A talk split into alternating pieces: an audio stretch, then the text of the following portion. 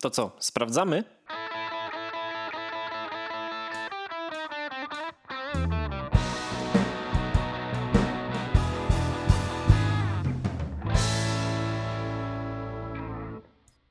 Halo, halo, dzień dobry, witam wszystkich bardzo serdecznie.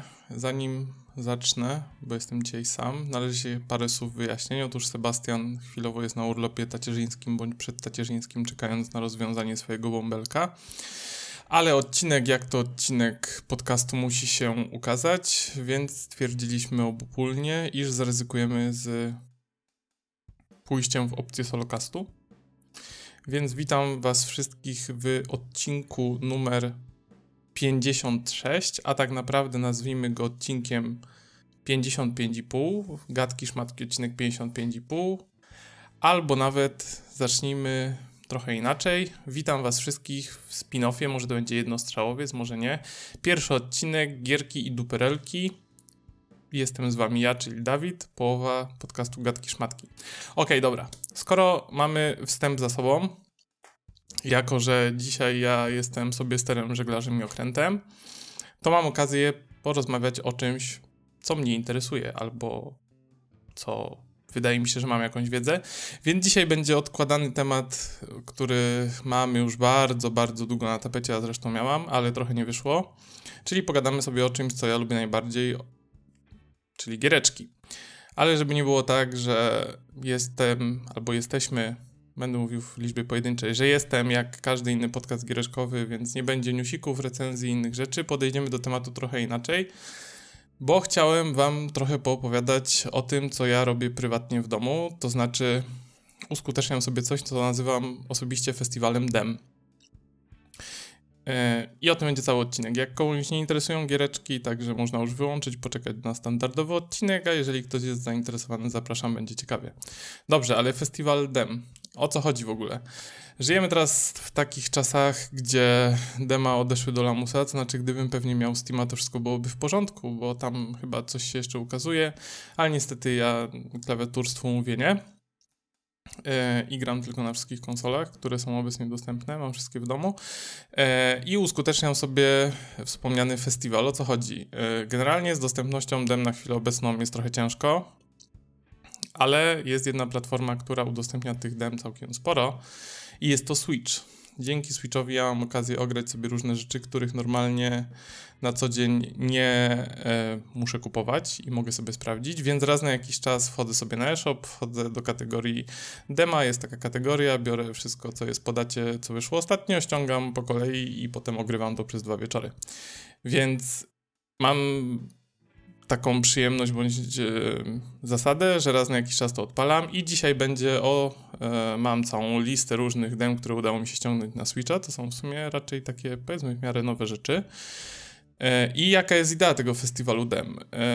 No ja generalnie je ogrywam po to, żeby się dowiedzieć, czy coś jest fajne, czy nie fajne. Czasami wyłączam coś po 5 minutach, czasami po 10, czasami przechodzę całe. A na bazie tego, jak, jako że żyjemy w Polsce, tworzę sobie listę gier, które czekam aż będą w dobrej promce dzięki e, NT Deals. Generalnie polecam Xbox Deals, PlayStation Deals i Nintendo Switch Deals. Wystarczy sobie wygooglować, jest, są też dedykowane aplikacje na mobilki, e, najlepsze stronki do śledzenia, bo wysyłają powiadomienia mailowe. Więc dobrze, jedźmy z tym koksem, bo gier mam całkiem sporo. Ogrywałem te dema chyba trzy wieczory tak naprawdę. Mamy w sumie przygotowanych, albo ja mam przygotowanych 14 pozycji, z czego ograłem 13. Więc okej, okay, lećmy z koksem. Ile wyjdzie, tyle wyjdzie. Nie wiem, czy ten odcinek będzie trwał pół godziny, godzinę, 3 godziny. Jakby zobaczymy, jak to leci. E, zaczynajmy. Festiwal Dem. Demo numer pierwsze, które udało mi się ostatnio odpalić. Zrobiłem sobie takie powiedzmy trzy wieczory tego, w sumie zajął mi ogranie tego wszystkiego trzy wieczory. Pierwsza rzecz to jest Mr. Driller o albo Drillland, czyli coś, co ja pamiętam jeszcze, gdy czytałem takie magazyny w Polsce, które się nazywały, który się nazywał Neo Plus, albo był Neo, potem chyba był Neo Plus. Eee, czy wtedy równolegle z Neo Plus wychodził jeszcze PSX Extreme, który można kupić do teraz, ale już go nie czytuję. W każdym razie tam widziałem tą pozycję. Możliwe nawet, że widziałem Mister Drillera pierwszy raz w takim magazynie, który się nazywał Game Boy Advance. Pamiętam pierwszy numer, na okładce był Advance Wars bodajże i byłem wtedy bardzo zajarany, że chciałem w to zagrać, nie miałem Game Boy Advance'a. Ale nieważne. Mr. Driller, coś, co zawsze chciałem sprawdzić. I teraz powiem wam tak, powiem wam tak. Jezus, jak dobrze, że ja tego nie kupiłem, gdy wyszło na Switcha w dniu premiery, naprawdę. Generalnie to jest japońszczyzna na maksa. Odpalacie to i pierwsze, co się rzuca w oczy, to oczywiście cukierkowa grafika, japońskie, japoński styl rysowania postaci i tak dalej, i tak dalej.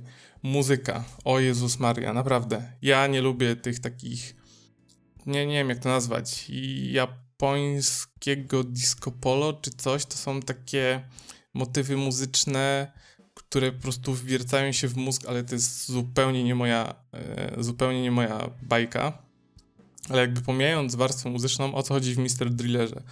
Chodzi o to, że mamy swojego ludka, który przekopuje się w dół, w sensie wierci i trzeba zejść jak najniżej w zadanym czasie. Generalnie taka jest idea, tyle wywnioskowałem z tego tematu, jest naprawdę moja pierwsza styczność z tą produkcją. Oczywiście tam są pewne techniki, to jest podobne trochę do match tree, to znaczy jeżeli są bloczki różnych kolorków, jeżeli one się połączą, to się usuwają, jeżeli nas zgniecie kolorek, umieramy. Znaczy klocek, bo tam jest taka fizyka, że te klocki spadają w dół, jeżeli mają przestrzeń. Generalnie gra polega na bezsensownym wierceniu w dół. Autentycznie. Można ją, można ukończyć etap wciskając w dół i wiercenie, czasami trzeba się ruszyć prawo-lewo. Oczywiście tam pewnie jest jakaś taktyka, są mechaniki, ale ja literalnie przeszedłem to demo idąc na pały w dół. Więc to jest wszystko, co chciałbym powiedzieć o tej grze. Gra polegająca na wciskaniu na dół i A, czasami prawo-lewo, z beznadziejną muzyką, z oprawą graficzną ok. I będę szybko oceniał te dema. Więc w tym wypadku skala ocen jest bardzo prosta, dajemy złote gadki, brązowe kalesony, tyle. Eee, więc w tym wypadku definitywnie Mr. Driller dostaje brązowe kalesony, chyba że ktoś naprawdę bardzo, bardzo lubi japońskie klimaty i japońską muzykę i powiedzmy, że jest fanem gier pseudologicznych, logiczno-zręcznościowych, to wtedy mogę polecać. Dobra, pierwsze demo mamy ze sobą, lecimy dalej. Generalnie nie spędziłem tam może 10 minut. Druga rzecz, którą ograłem, w ramach mojego prywatnego festiwalu DEM. Jest to Liberated Enhanced Edition. To jest polska gra, taka w stylu, mm, czy ja wiem, Another World, może Flashbacka, w dystopijnym świecie, noir, taki trochę cyberpunk. I pierwsze, co się wrzuca w oczy, gdy to odpalacie, to jest bardzo ciekawy art style tej gry. To znaczy poziom, który był w demie, e, on, on był przedstawiony za pomocą jakby, że to jest e, jakiś odcinek komiksu, który gramy, to był chyba czwarty czy piąty według fabuły, więc to był jakiś wycinek ze środka. E, na początku, gdy, gdy otwieramy ten komiks, to za pomocą e, obrazków w takiej formie właśnie komiksowej, że one się pojawiają, jest przedstawiona fabuła. Super w ogóle, że to demo jest po polsku. Ja bardzo szanuję, jak polskie gry są po polsku, albo generalnie gry są polonizowane. Ja osobiście nie mam problemu z graniem po angielsku, ale rozumiem, że są osoby, które jeżeli nie ma polskiej wersji, to odpadają, bo nie są tak zaznajomione z językiem, więc to jest bardzo fajne. Więc mamy, mamy art style, mamy scenki przerywnikowe stylizowane na komiks, rozdziały to są zeszyty e, i cała gra też jest taka wyrysowano cel shadingowa, tak to można powiedzieć. E, w trakcie poruszania się występują onomatopeje, mamy swojego ludka, on sobie chodzi prawo, lewo, skacze, strzela i tyle. E, e, I ten etap, który jest w demie, polega na tym, że musimy się wydostać z jakiegoś posterunku policji czy agencji rządowej, który e, padł celem terrorystów zamachu bombowego, czy jest po wybuchu i staramy się jakby przebić i wydostać. Jeżeli chodzi o to, jak ta gra działa na Switchu, bo słyszałem różne wersje, ona wyszła też na inne platformy, ja mam takie wrażenie, że na Switchu ta grafika to jest tak jakby ktoś przesunął wszystko na low, bo nie wygląda to za dobrze. Jedna rzecz, którą muszę podkreślić, 90% tych demo odgrywałem w wersji handheldowej na OLEDowym Switchu, bo taki mam w domu. niektóre odpaliłem na telewizorze, ale akurat tą grałem 100% handheldowo. E, więc grafika mm, to, to wygląda słabo generalnie. Nie, jest ładnie stylizowane, ale widać, że tekstury są kiepskiej jakości. Generalnie ten obraz wygląda trochę jak rozmazany. A sama gra gameplayowo jest bardzo prosta. Generalnie idzie się w lewo bądź w prawo i strzela. Nie ma amunicji, można przeładowywać ile się chce. E, przeciwnicy giną po dwóch, trzech strzałach, żaden deal. Tam jest jakaś mechanika skradania, że można się przyczajać, chować w cieniu, z jakimiś słupkami, podchodzić do gości po cichu, ale po co, jak można wyjść i ich zastrzelić? Więc generalnie to jest jak Mister Driller, tylko w innej formie. Idziesz w prawo albo w lewo i strzelasz i przeładowujesz i, i, i tyle. E, jakby i, przeszedłem cały to demo akurat. W tym wypadku bawiłem się tak mm, mech, tak powiedzmy, tak już przechodząc do końca, bo, bo nie, nie można nic więcej powiedzieć o tej grze. Jest ciężko mi powiedzieć, czy, czy to są złote gadki, na pewno nie są. Czy to są brązowe kalesony? Aż tak to nie. Ja osobiście co bym polecał w przypadku tej produkcji, to jest wrzucenie tego e, na promkę i poczekanie. Ona teraz kosztuje tak standardowo 50 czy 80 zł, coś takiego, ale gry na Switchu mają taką magiczną cechę, że potrafią stanieć o 90%. I gdybym miał zapłacić za tą grę do 10 zł, a naprawdę zdarzają się takie promki i udało mi się już kupić parę, jeżeli nie paręnaście tytułów w tej formie, to poniżej dychy bym ją kupił. Ja myślę, że to będą takie dwa wieczory, pewnie przyjemnej oprawy audiowizualnej, przyjemnej stylistyki. Fabułka wygląda na taką trochę cyberpunkową, trochę thriller polityczny, trochę takie szpiegowskie klimaty, więc powiedzmy, że to jest w miarę ok. Przynajmniej na tyle, na ile widziałem. E, ale gameplayowo to jest proste, ponoć gra sama nie jest długa i trudna, więc myślę, że to można pyknąć dwa wieczory za dychę, może za 15 zł to jest taki maks, jaki bym za to dał, ale nie więcej. Dobra, idźmy dalej, bo jakby to nie wszystko. Następna rzecz, którą ściągnąłem, to było coś, co nazywało się Ultra Age. Ja, o ile dwie poprzednie produkcje, czyli Drillera i Liberated, to wiedziałem, czego mam oczekiwać, w sensie ja znałem te gry, e, widziałem je w mediach społecznościowych, e, czytam, czytałem w czasopismach 15 lat temu o nich. Ultra Age po prostu ściągnąłem, bo było. Ja mówię, ok, co to jest w ogóle? E, I odpaliłem to i z, gdybym miał powiedzieć w jednym zdaniu, co to jest za gra, to to jest tak, jakbyśmy wzięli trochę Devil May Cry, jakby Devil May Cry poszło z dowolnym japońskim RPG za garaże i wiecie, tereferę i wyszedł Ultra Age. Generalnie to, to demo w ogóle samo w sobie jest dziwne strasznie, bo ona wrzuca nas niby w jakiś początek gry czy świata, i, I tam się stara strasznie dużo rzeczy tłumaczyć na początku. Tam wyskakuje masa jakichś tutoriali, okienek, które trzeba czytać. Font, na oczywiście na w handheldowym jest tak mały, że tam z lupą trzeba po prostu przeglądać, co to jest. Strasznie nas zasypuje. Tam jest jakiś cykl dnia i nocy, jakieś zasoby, które można zbierać, ale one się potem odnawiają. E, e, jest jakiś robot, który nam pomaga, ale jakby brakuje takiej inicjalnej scenki, y, która, mm, która by wytłumaczyła jakiś kontekst fabularny w ogóle, a dodatkowo, jak wspomniałem, te tutoriale są na maksa kiepskie. Nienawidzę gier, w których od się odpala, ok, jest jakiś poziom tutorialowy, to jest w miarę standard, ale są gry, które nie potrafią tego robić, bo zarzucają użytkownika po prostu masą jakiegoś statycznego tekstu, okienek, informacji, y, nazw własnych, systemów i, i trzeba się tego nauczyć, nie wiem, czytając, czytając przez chwilę e, coś, co się pojawia na ekranie. I jakby, i, i, tutaj jest ten cykl dnia i nocy, odnawiające się zasoby. I ja nie wiem, jakby jako, jak wiecie, gracz końcowy, czy, czy, czy tu jest jakiś time pressure, że, że ja mam ograniczony czas, czy jak ja teraz przyspieszę czas, bo jest też taka możliwość, to, to na coś to wpływa, w sensie robi się trudniej, fabuła się posuwa do przodu, ja się nie posuwam, czy będą jakieś konsekwencje. E, e, jeszcze tak do kwestii technicznych, na Switchu, bo to jest gra w pełnym 3D, oczywiście tam ma system walki ala Devil May Cry, trzeba się uczyć kombosów w ogóle i tak dalej, czyli raczej nie moje klimaty, ale jakby dobra, nie oceniajmy książki po okładce.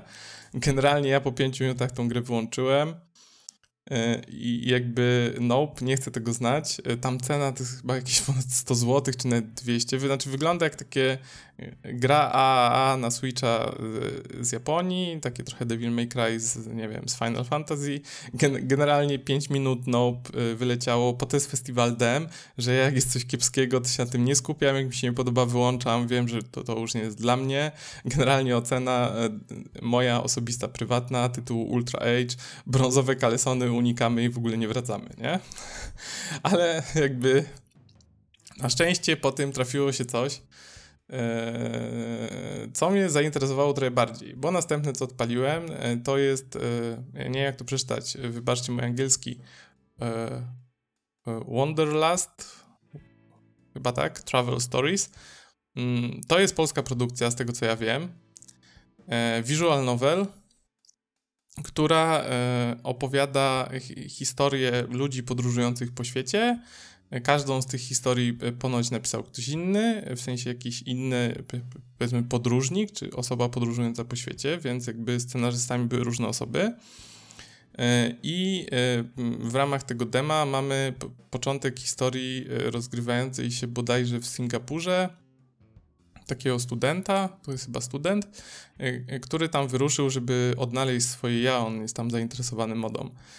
Mm, I, I pierwsza rzecz, która się rzuca, jak się odpali tą produkcję, to to, że ona jest mm, bardzo ładna. W sensie to jest visual novel, nie? I teraz visual novel to jest taki specyficzny gatunek gier w ogóle, że to się albo kocha, albo nienawidzi. Wiecie, to jest jakbyście czytali książkę, która jest trochę bardziej interaktywna.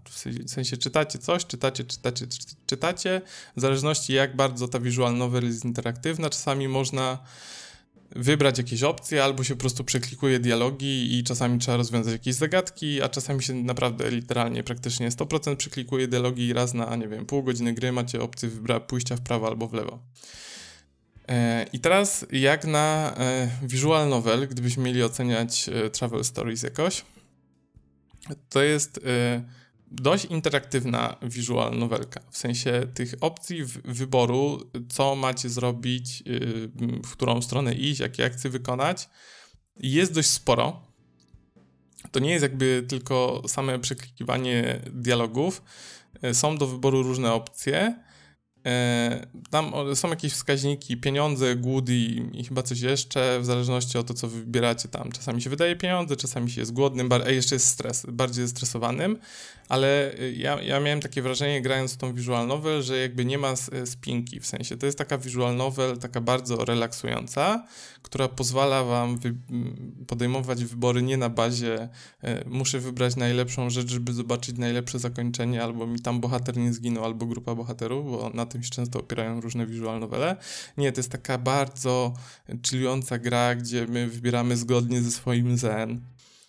I ona jest bardzo relaksująca, w ogóle jest bardzo ładnie wykonana, naprawdę, e, pomimo tego, że to jest visual novel, tam jest tekst, to i zmieniają się tła, i zmienia się muzyka, ma bardzo ładny UI ta gra.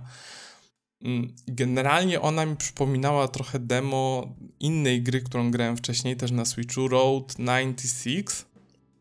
Przy czym Road 96 to jest gra w pełnym 3D, trochę visual novel, trochę gra przygodowa, trochę takie powiedzmy Road 96 jest bardziej jak, bo to jest taki thriller polityczny, trochę jak Life is Strange, mechaniki ma, e, też ją trzeba przechodzić parę razy ponoć. I ja miałem wrażenie trochę, że to jest taki Road 96, tylko bez tej warstwy takiej grafiki 3D, chodzenia po lokacjach. E, bardzo chillująca. Naprawdę to jest produkt to demo przeszedłem od początku do końca z miłą chęcią i, i trochę się zachwyciłem. W sensie tą grę można kupić na Switcha, ona chyba też wyszła na PC, na, na inne platformy, wiem, że też wyszła na telefony. Y, jedną rzecz, jeżeli miałbym się przyczepić do Travel Stories, czy tam Wanderlust, Wanderlust, ciągle nie wiem jak to wymówić, sorry, mój angielski nie jest perfekcyjny, to jest to, że pomimo tego, że to jest polska gra, to ona nie ma polskiej wersji. Co jest trochę dziwne, nie wiem dlaczego. Nie lubię jak polskie gry nie mają polskiej wersji. Jeszcze jestem w stanie zrozumieć, jak gry zagraniczne nie mają polskiej wersji, ale uważam, że polskie gry powinny mieć polskie wersje językowe. A tutaj jest wbrew pozorom dość dużo tekstu do przeczytania. Mm, on nie jest jakiś taki super niezrozumiały, ale nie powiem, zdarzyło mi się raz czy dwa sięgnąć do słownika, żeby sprawdzić jakieś pojedyncze wyrazy, żeby na pewno zrozumieć kontekst czy wybór, który podejmuję. E, ale generalnie trochę do brzegu e, z Travel Stories. Moja ocena to są złote gadki. Gra wylądowała na listę to do do zakupienia w pierwszej kolejności, gdy będę miał ochotę wydawać pieniądze. W tym wypadku ja myślę, że nawet mogę nie czekać na, na to, że będzie dobra promka, tylko ją kupię nie zrobiłem tego od razu, a był taki plan, uwierzcie mi, był taki plan. Nie zrobiłem tego od razu z tego względu, że a miałem jeszcze dużo dem innych do ogrania i nie chciałem od razu wydawać pieniędzy, bo to była dopiero czwarta gra z 14. Mm, a po drugie, mam trochę taki backlog y, gier, które muszę sprawdzić i y, przejść, albo chociaż y, jakby kupiłem je już, więc trzeba sprawdzić, czy dobrze zainwestowałem pieniądze.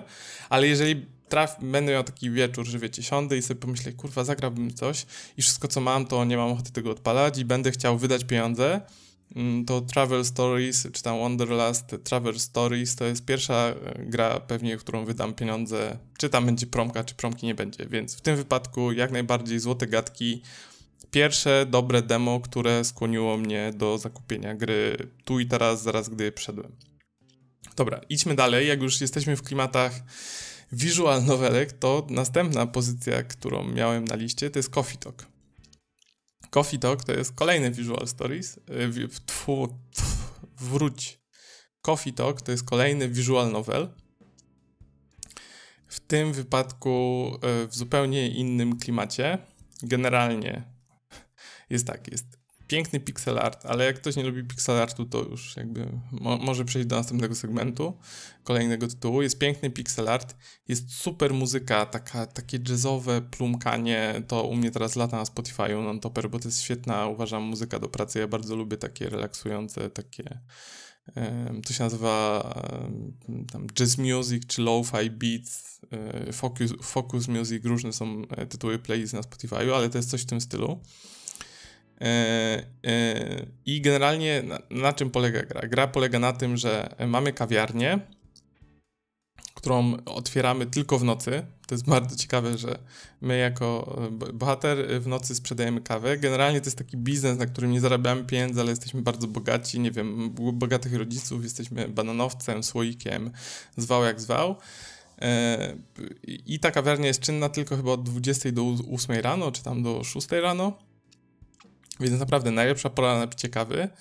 Mm, tam nas odwiedzają e, różni klienci, z którymi my sobie rozmawiamy, serwujemy im kawki, w sensie oni mówią, czego chcą się napić, mamy zestaw przepisów, musimy im zaserwować dobrą kawę, można się bawić w latte art, e, czyli e, malować mleczkiem w przypadku cappuccino bądź innych napojów takich ze spienionym mlekiem.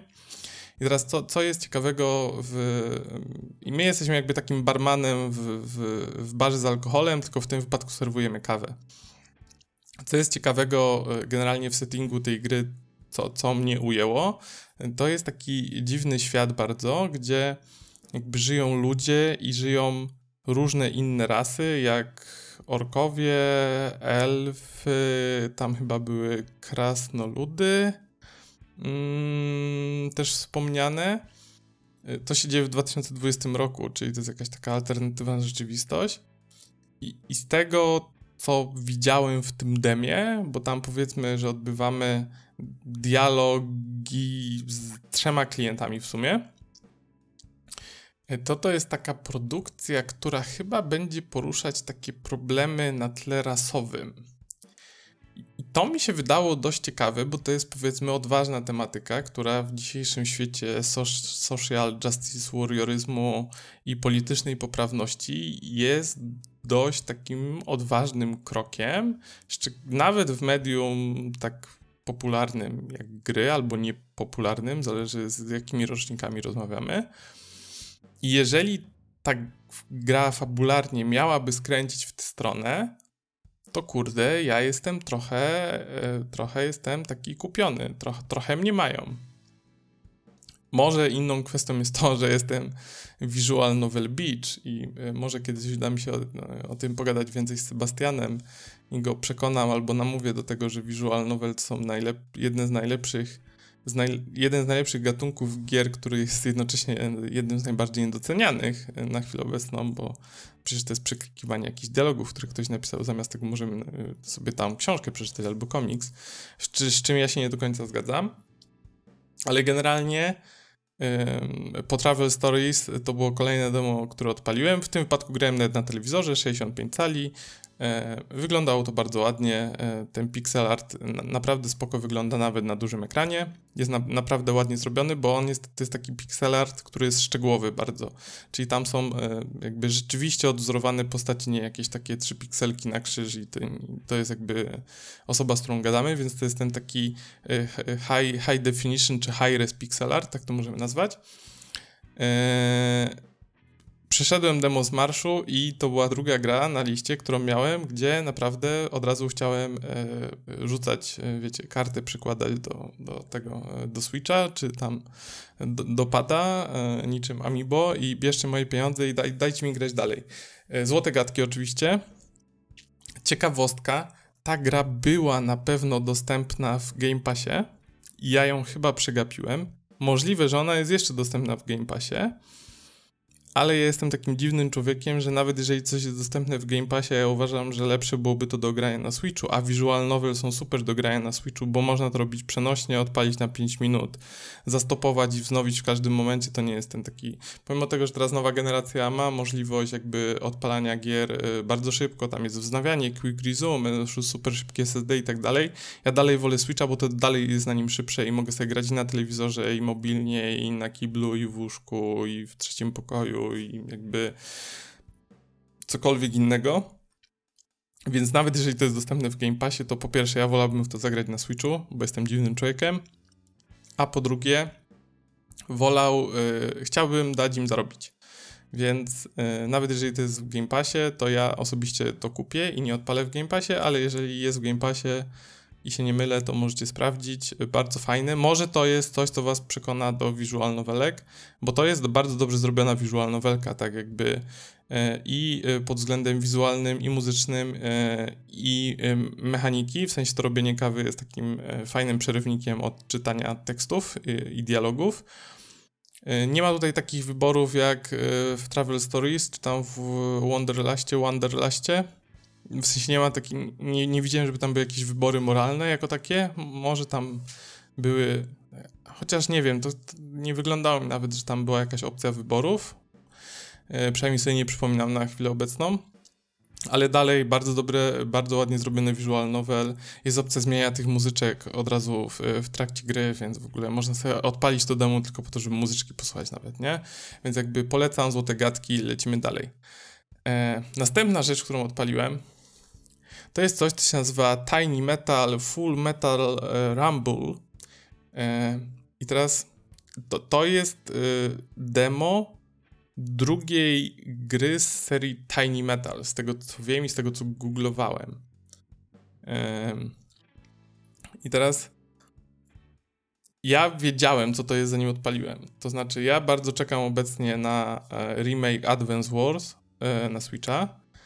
Bardzo żałuję, że on, ten, ten remake nie będzie pixelartowy jak na e, Game Boy Advance, ale już jakby z tym się pogodziłem i wybaczyłem. Bardzo na to czekam. Niestety ze względu na wojnę Ukrainie Nintendo e, e, przesunęło premierę Advance Wars na bliżej nieokreśloną przyszłość. Gra miała wyjść chyba w kwietniu czy w maju. Przesunęli, nie wiadomo kiedy wyjdzie.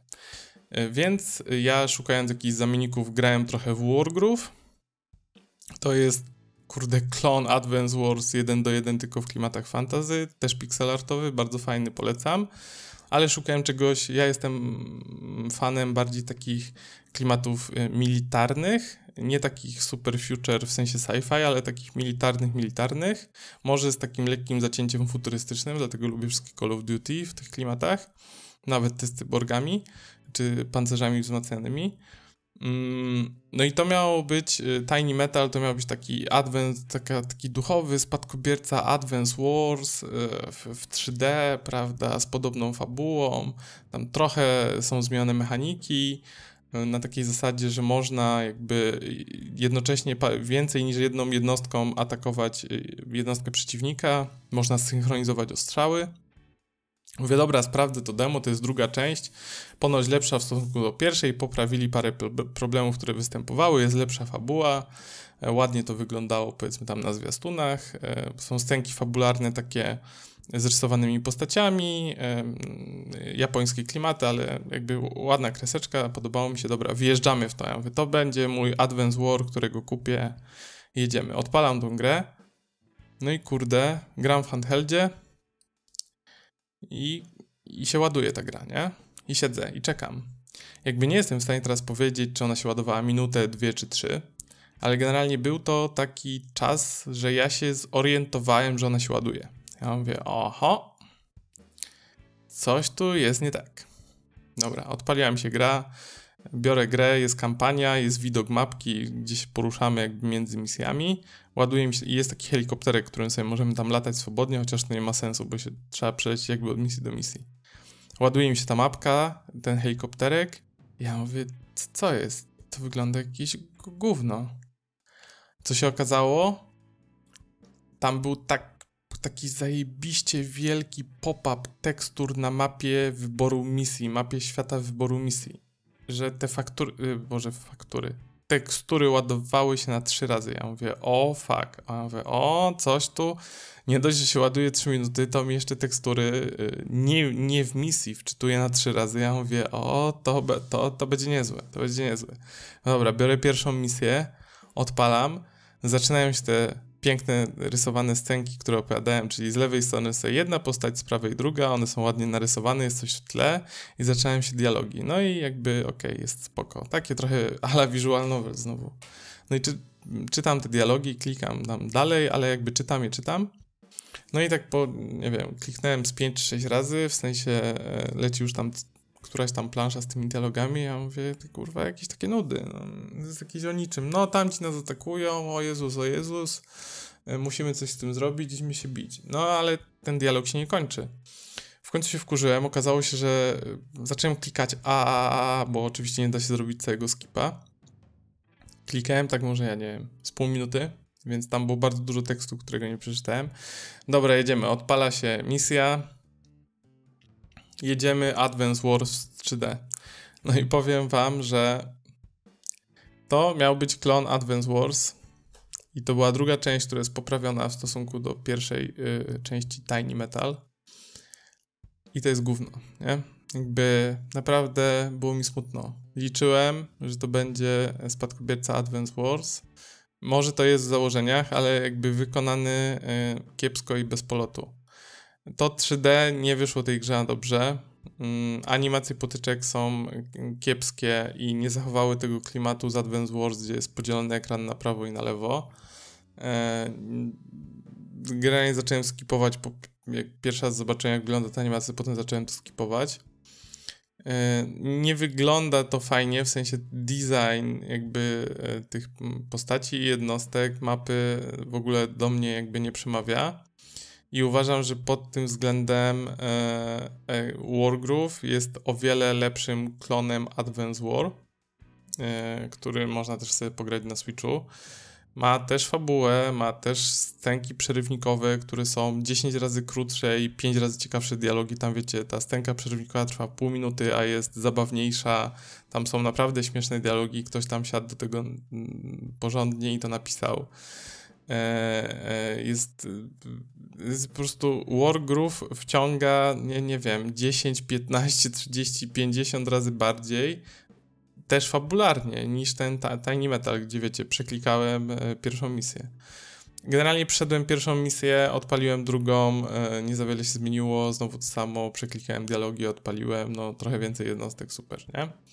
E, jestem naprawdę, w tym wypadku się zawiodłem i e, muszę wystawić e, ocenę pod tytułem Brązowe kalesony unikać jak ognia.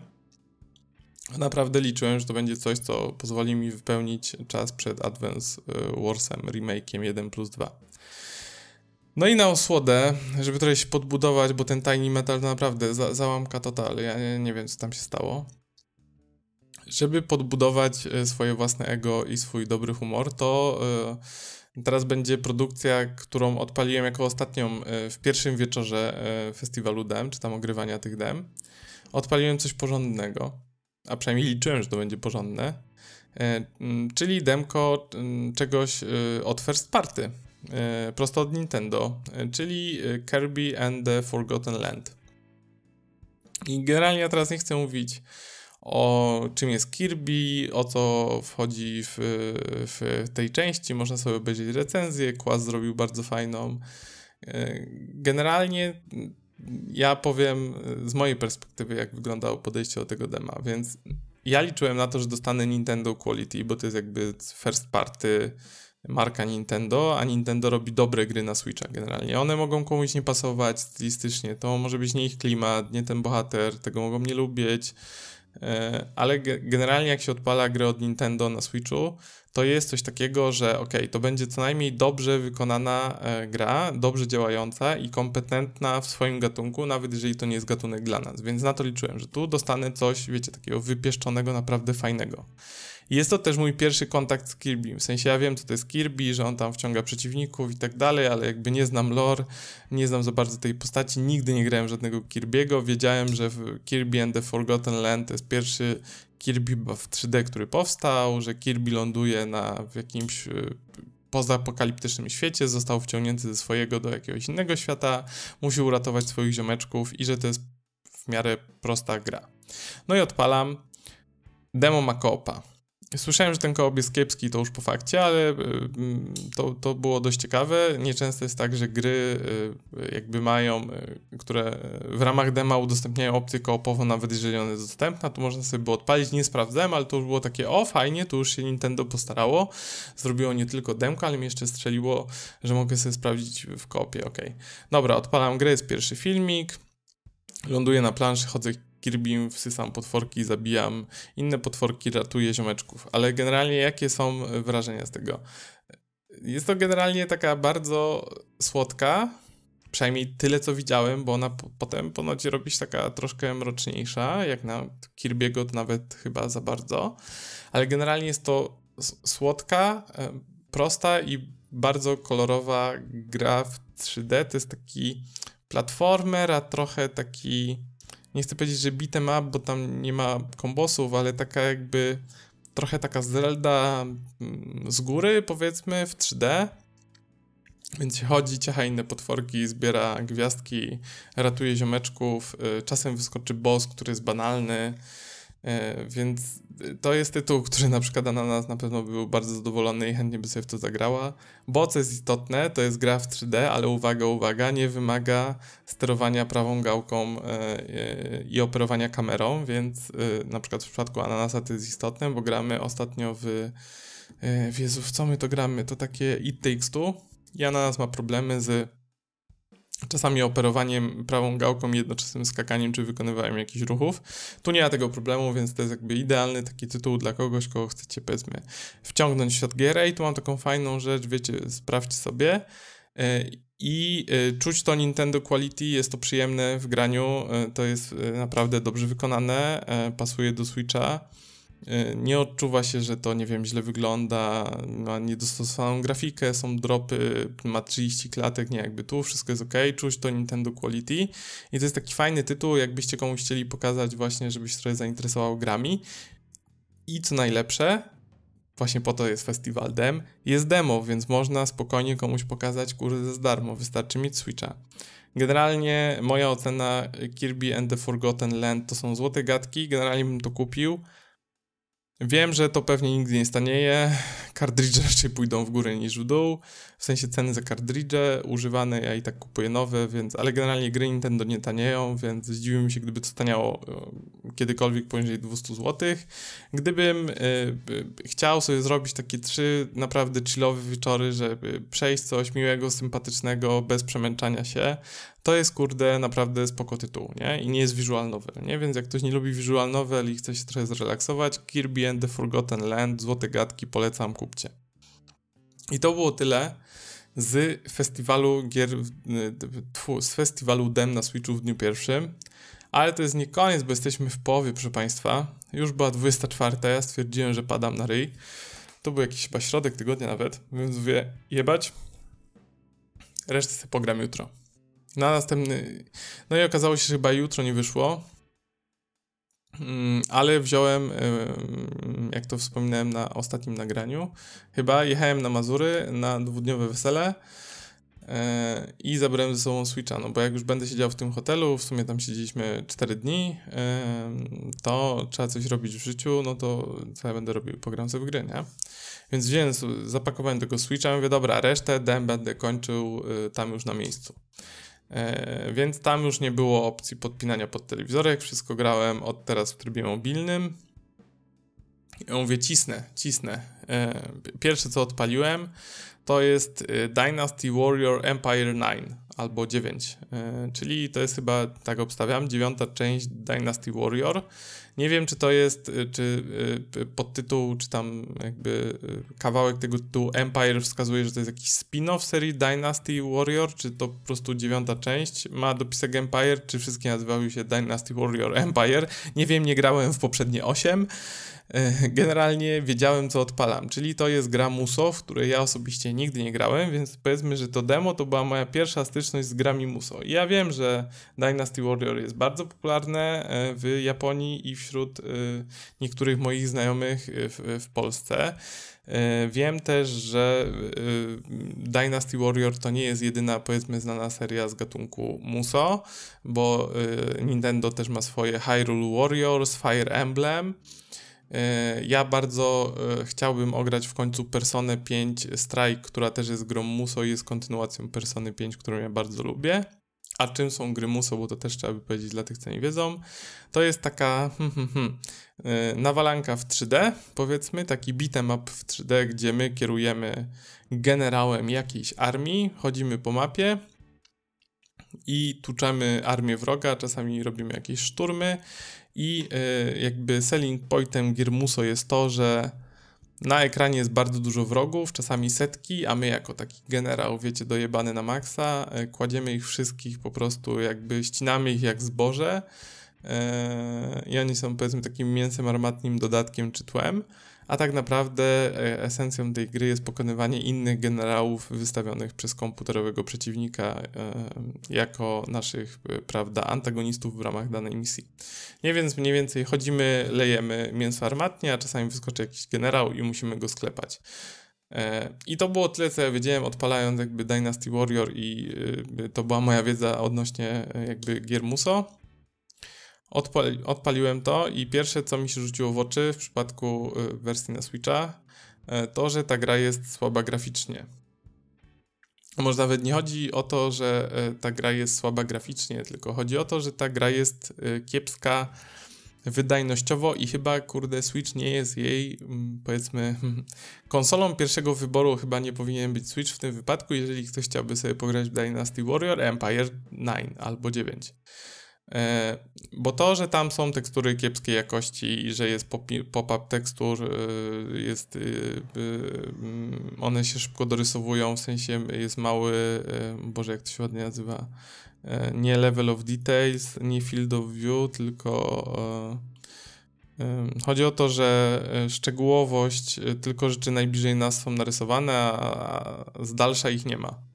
I jak się ruszamy, to się pojawia trawka, drzewka i kamienie. Jezu, nie pamiętam jak się nazywa. Może to jest level of detail. Jakby nie chodzi o to, że, że takie rzeczy tam występują, nie? Że się dorysują jakieś drzewka, głazy, cienie i, i trawka przed nami, bo to jest jakby spoko. To jest Switch, ja wiem na czym to odpalam. Chodzi o to, że e, ta gra e, mm, chyba nawet nie trzyma 30 fps, ma, strasznie rwie, a to w przypadku takiej produkcji, gdzie wiecie, na ekranie jest, nie wiem, 50, 100, 150 y, tych, y, tego mięsa armatniego, tej trawki, którą się wycina, y, a wy musicie klepać jakieś kombosy, zwracać uwagę, czy was ktoś nie atakuje z drugiej strony, y, szybko operować kamerą, y, no to jakby jest jeszcze taki input na, na przyciskach, a tam się jednak jakieś kombosy strzela i tak dalej, y, to to jest takie mało przyjemne do grania. E, e, szczególnie jak to rwie strasznie, nie? Więc e, no, a mówię, dobra, ale już odpaliłem to demo, to jadę z nim, nie? No i demo zawiera generalnie jakieś takie tutorialowe plansze, ich jest parę i te tutorialowe plansze nas uczą różnych jakby mechanik, które są w grze, czyli tam jakby rodzajów ataków, jakichś kombosów w powietrzu, nie w powietrzu, dobijania specjalnych umiejętności i tak dalej. I teraz ta gra ma coś, co y, ma taki problem, który miał wspomniany Ultra Age wcześniej, to znaczy tam jest dużo tutoriali, takich pop-upów y, tłumaczących rzeczy. Y, tam jest trochę dość sporo tekstu. I jeżeli gra się to na handheldzie, to jest, wiecie, problem małych fontów, nie? Czyli gówno widać. I trzeba, że tak powiem, naprawdę się, nie wiem, skupić, czy trochę nawet przybliżyć Switcha do oczu, żeby przeczytać te wszystkie teksty. To jest jedna rzecz. Jest trochę lepiej niż w Ultra Age, bo oprócz tego, że ona to tłumaczy jakby powiedzmy tekstowo, to potem jest, jest mój, znaczy nie jest mój ulubiony mechanizm, ale jest to takie, dobra, pokazaliśmy ci jak się blokuje, że blokuje się B, to teraz musisz zrobić trzy udane bloki i jak, dopóki ich nie zrobisz, nie puścimy cię dalej w tym tutorialu. Więc to jest tam jakby w miarę ok. Um, ale w pewnym momencie trafiłem już na taką misję, powiedzmy, otwartą, gdzie był szturm na jakąś twierdzę, oni mnie tam uczyli, jak zarządzać swoimi jednostkami i, i tak dalej, i tak dalej, i że będę trafiał na generałów przeciwnika, których będę musiał pokonać, czyli już przestaje być y, koszenie trawy, tylko zaczyna się gra dla prawdziwych mężczyzn. No i problem jest taki, że jak pojawiają się ci generałowie, e, ich może być więcej niż jeden, którzy nas atakują, plus te powiedzmy tam setki, e, to są naprawdę setki e, tych takich mięsa armatniego na ekranie. Gra spada do 10 FPS-ów, chuja widać, input gry jest żadny, w sensie wy wciskacie jakieś tam, wiecie, kombinacje, zrób to, wybij go do góry, odpal specjala, ni chuja, nic nie działa, bo gra tego nie rejestruje, albo rejestruje to z takim opóźnieniem, że ja pierdolę. E, więc, mm, więc generalnie wyjebałem to w pizdu.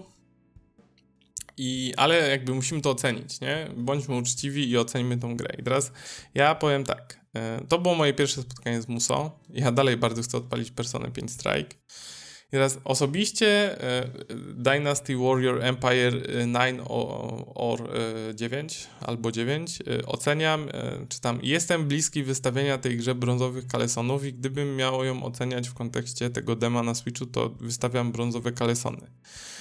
I teraz, ale jaką mam, to jest taki brązowy kalesony z gwiazdką, bo ja, ja mam takie wrażenie bardzo duże, takie wrażenie graniczące z pewnością, że ja e, albo trafiłem na złą e, grę na moje pierwsze spotkanie z Muso, albo trafiłem na złą platformę dla Dynasty Warrior, bo to jest generalnie seria, która jest już utytułowana, ona ma swoich panów, panów, fanów ma.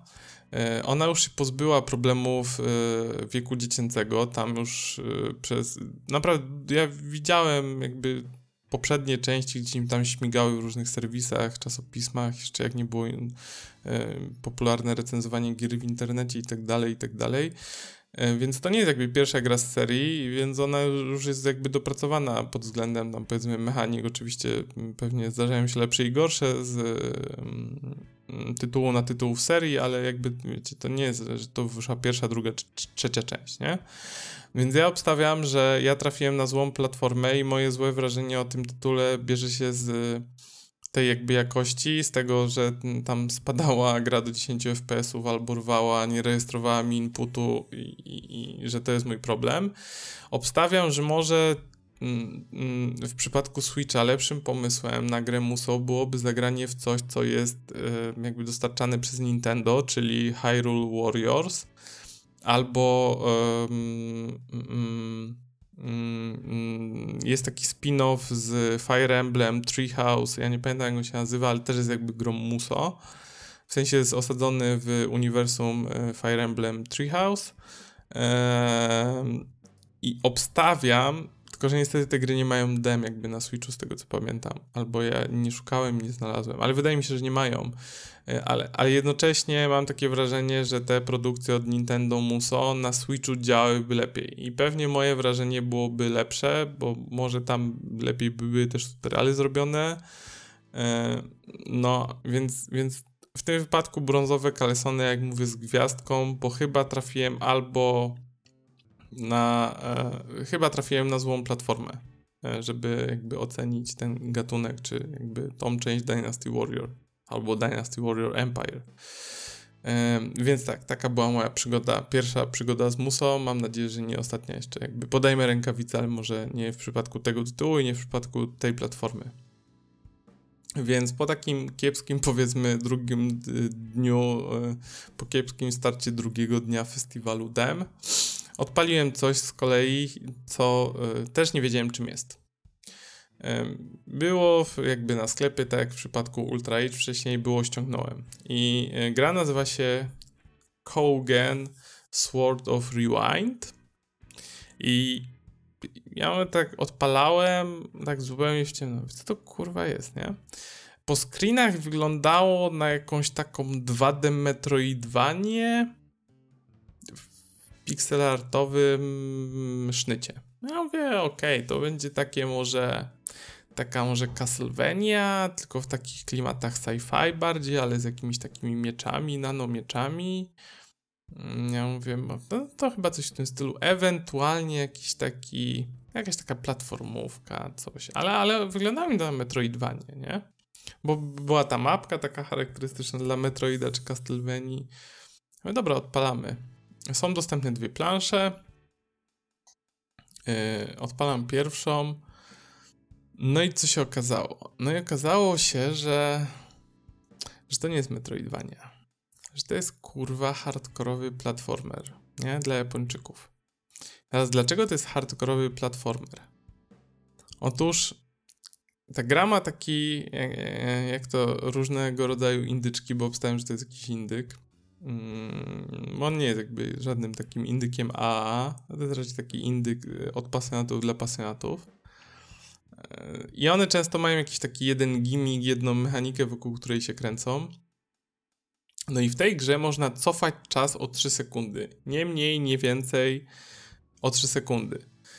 E, gdy y, mamy takie trzy sloty, powiedzmy sekundowe, takie trzy paski, ale to można robić płynnie, w sensie odpalać i cofać. E, idea jest taka, że jak wykorzystamy ten trzysekundowe cofnięcie czasu, to przez jakiś czas tego nie możemy robić, trzeba zabijać przeciwników, te paski się uzupełniają, albo dochodzimy do takiego punktu kontrolnego w ramach planszy e, i ten punkt kontrolny jednocześnie nam ładuje z powrotem możliwość cofania czasu. Nie? Jakby brzmi spokojnie, idziecie, skaczecie trochę taki, nie Max Payne, tylko takie Prince of Persia piaski czasu. Jak umrzecie, to możecie sobie 3 sekundy cofnąć i super.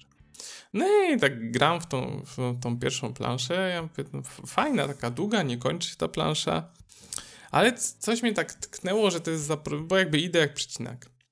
Ale ta gra posiada e, w interfejsie dwie rzeczy na górze, które mnie zastanowiły e, już na samym początku. Pierwsze jest to, że jest e, od, timer w, w, tam w sekundach i milisekundach, ile nam już zajęło, ile już spędzamy czasu na tej planszy, czyli ja mówię, oho, gra dla speedrunnerów. A druga rzecz jest taka, że jest licznik śmierci. Ja mówię, oho, to kurwa nie będzie przypadkiem, nie? I po pięciu minutach gry poziom trudności od takiego prostego idziemy w lewo, skaczemy, walimy mieczykiem, czasami cofniemy sobie czas. Gra się robi kurwa Guitar Hero platformówkowy, nie? E, robi się przejebanie trudna. Bo jakby przeciwnicy są ustawieni w taki sposób, że po pierwsze trzeba się uczyć na pamięć i dosłownie z milisekundową precyzją tam skakać do nich i ich walić tym mieczykiem a druga rzecz jest taka, że pojawiają się platformy, które um, aktywujemy jakby zużywając tą energię cofania czasu, więc żeby te platformy jakby się aktywowały, pojawiły, można było po nich skakać czas, użyć swój e, moc cofania czasu. One się aktywują tylko na 3 sekundy, no i jak z nich spadniemy, to jako, że zużyliśmy nasz y, y, pojemniczki do cofania czasu na aktywowanie tych platform, to nie ma cofania czasu, więc cofamy się do checkpointa. No i powiem tak, że ja utknąłem na, na którymś tam checkpoincie z rzędu, gdzie było wymagane po prostu pixel perfect, skakanie w platformach, omijanie przeciwników i nie można było cofać czasu już, bo go zużyliśmy wcześniej na aktywowanie tych platform.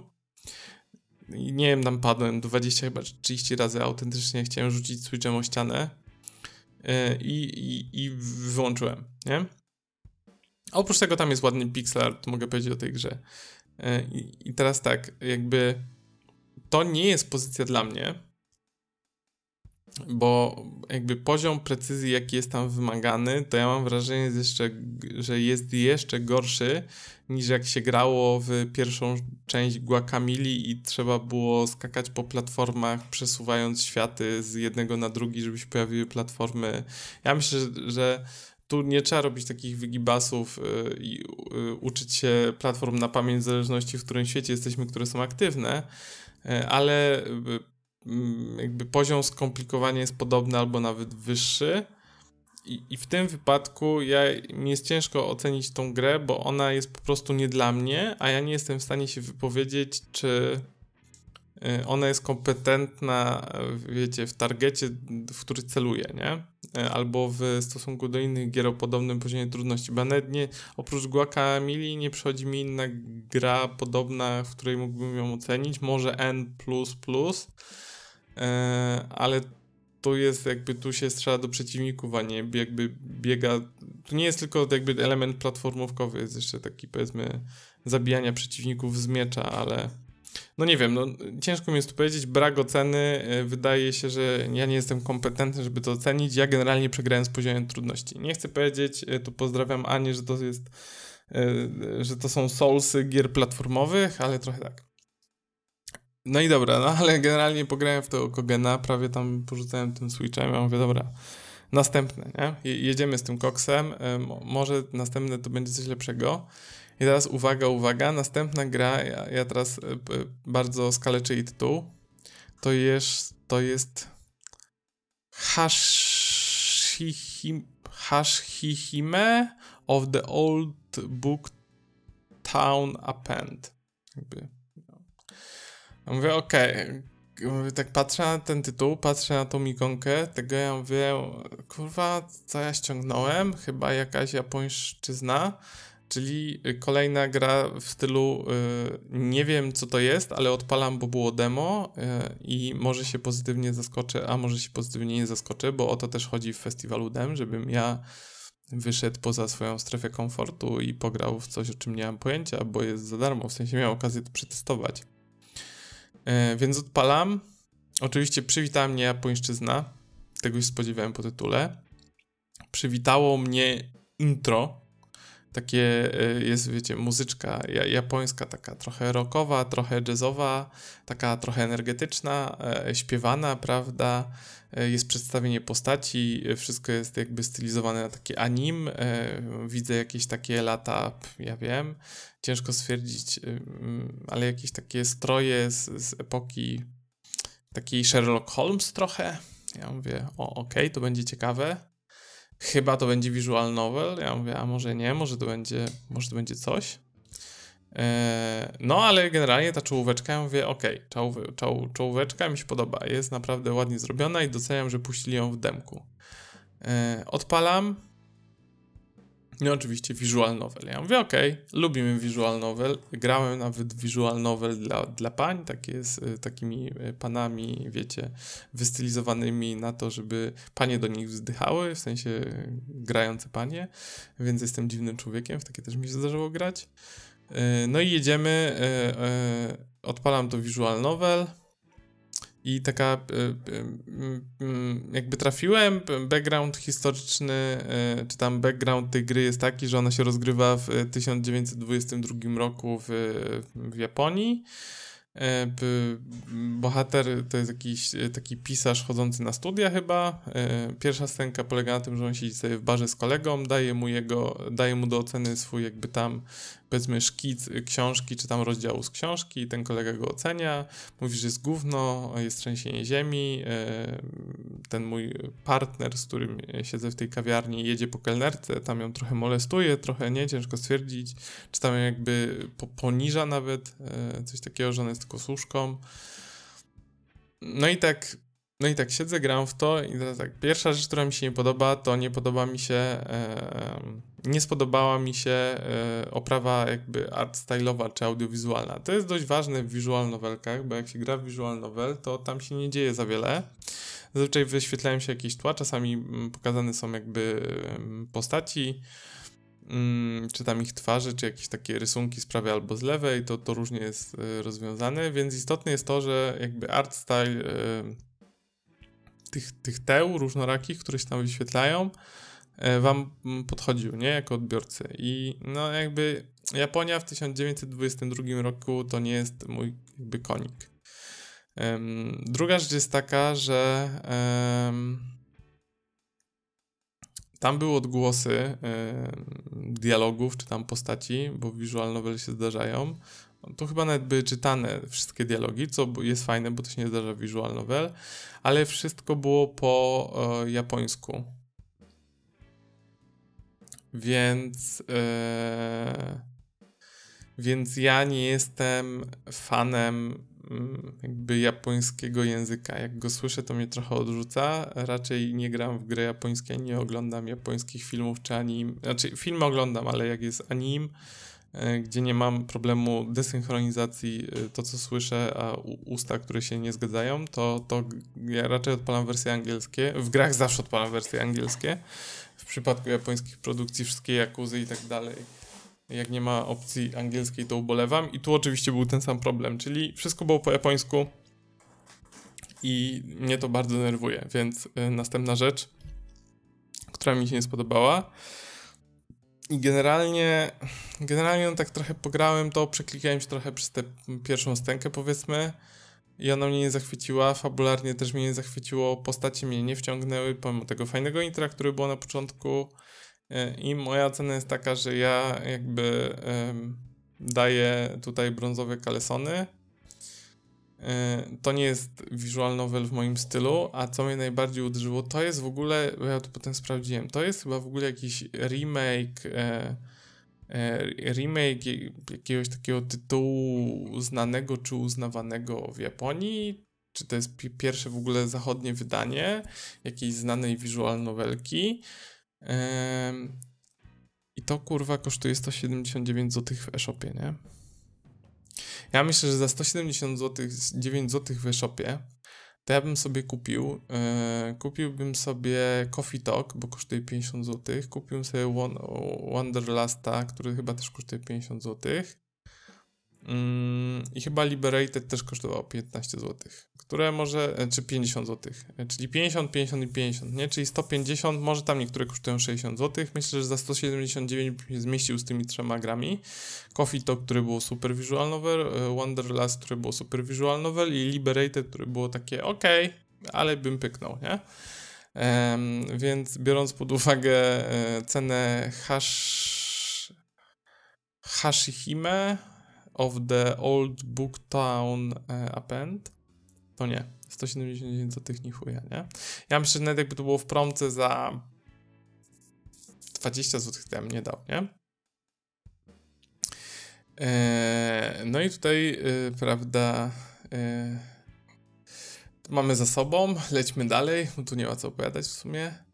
Następna rzecz, którą odpaliłem, to jest coś, na co ja się długo czaiłem. E, tu teraz będzie takie e, trochę mm, backgroundu. Ja generalnie e, mam jakieś, jak każdy, mam jakieś swoje preferencje growe. I są dwa typy gier, w które ja wsiąkam jak bagno, pod warunkiem, że one mi siądą. Pierwsza to jest visual novel.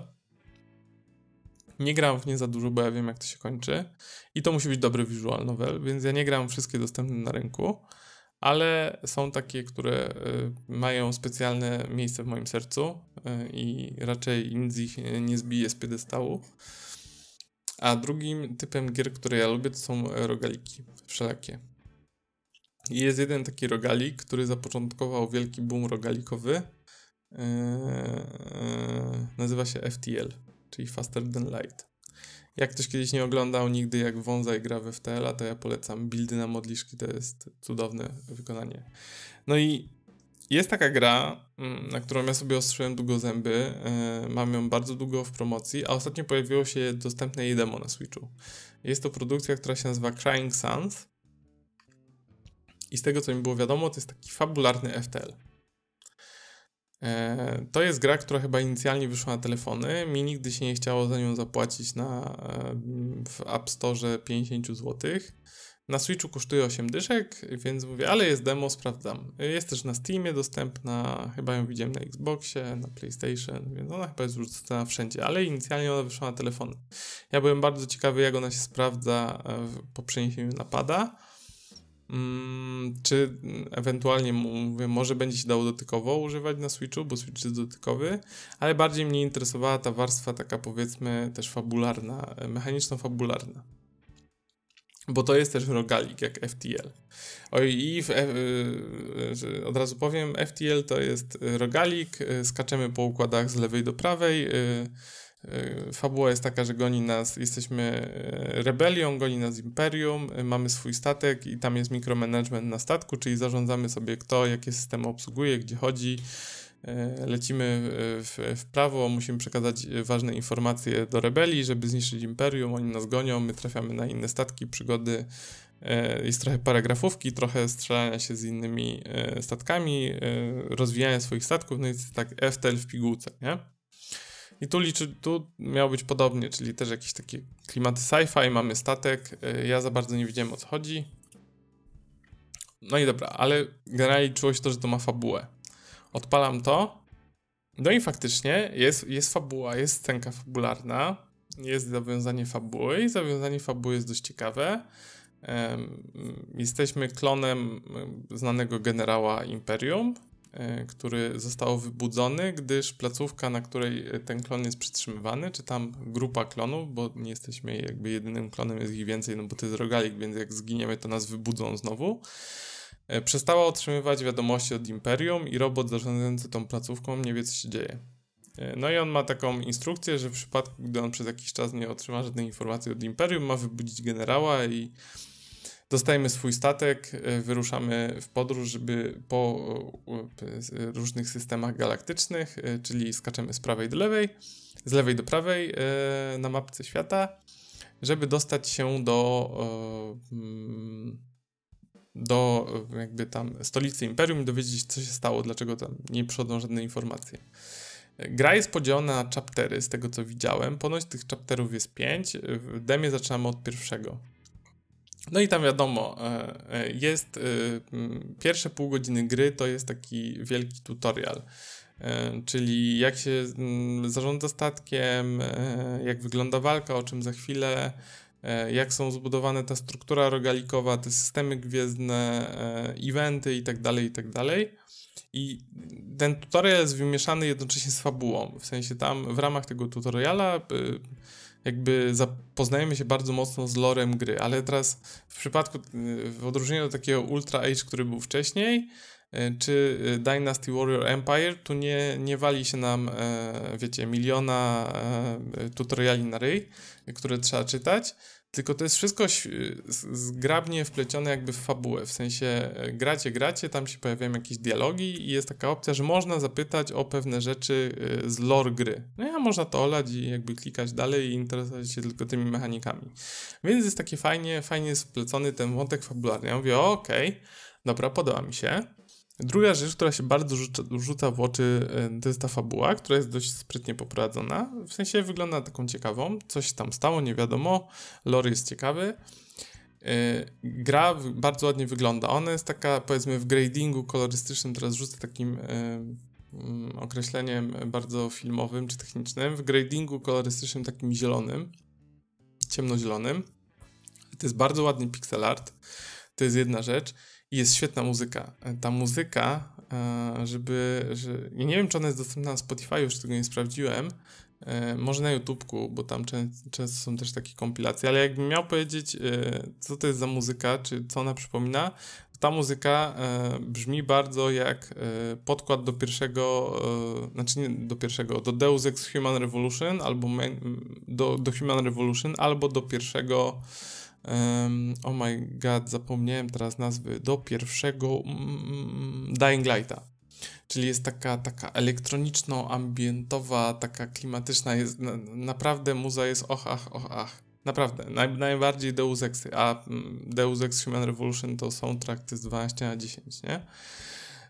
I teraz jaki jest gimmick tej gry, oprócz tego, że ona jest, tam jest fabularna, jest jak FTL i tak dalej. E, latamy sobie statkiem i jakby ważną częścią są potyczki, czyli walki dwóch statków. I teraz w FTL-u to był micromanagement e, na takiej zasadzie, że widzieliśmy swój statek, widzieliśmy statek przeciwnika, w sensie układ pokoi, przydzielaliśmy ludzi do konkretnych pomieszczeń, oni obsługiwali systemy, i trzeba było przekierowywać energię do, energię do poszczególnych systemów, żeby na przykład mieć zasiloną broń, albo mieć zasilony tlen, albo e, zasilone drzwi i tak dalej, i tak dalej. Czyli był taki bardzo, powiedzmy, ma, e, mikromanagement, a tu jest e, taki bardziej... E, nie, teraz pomyliłem.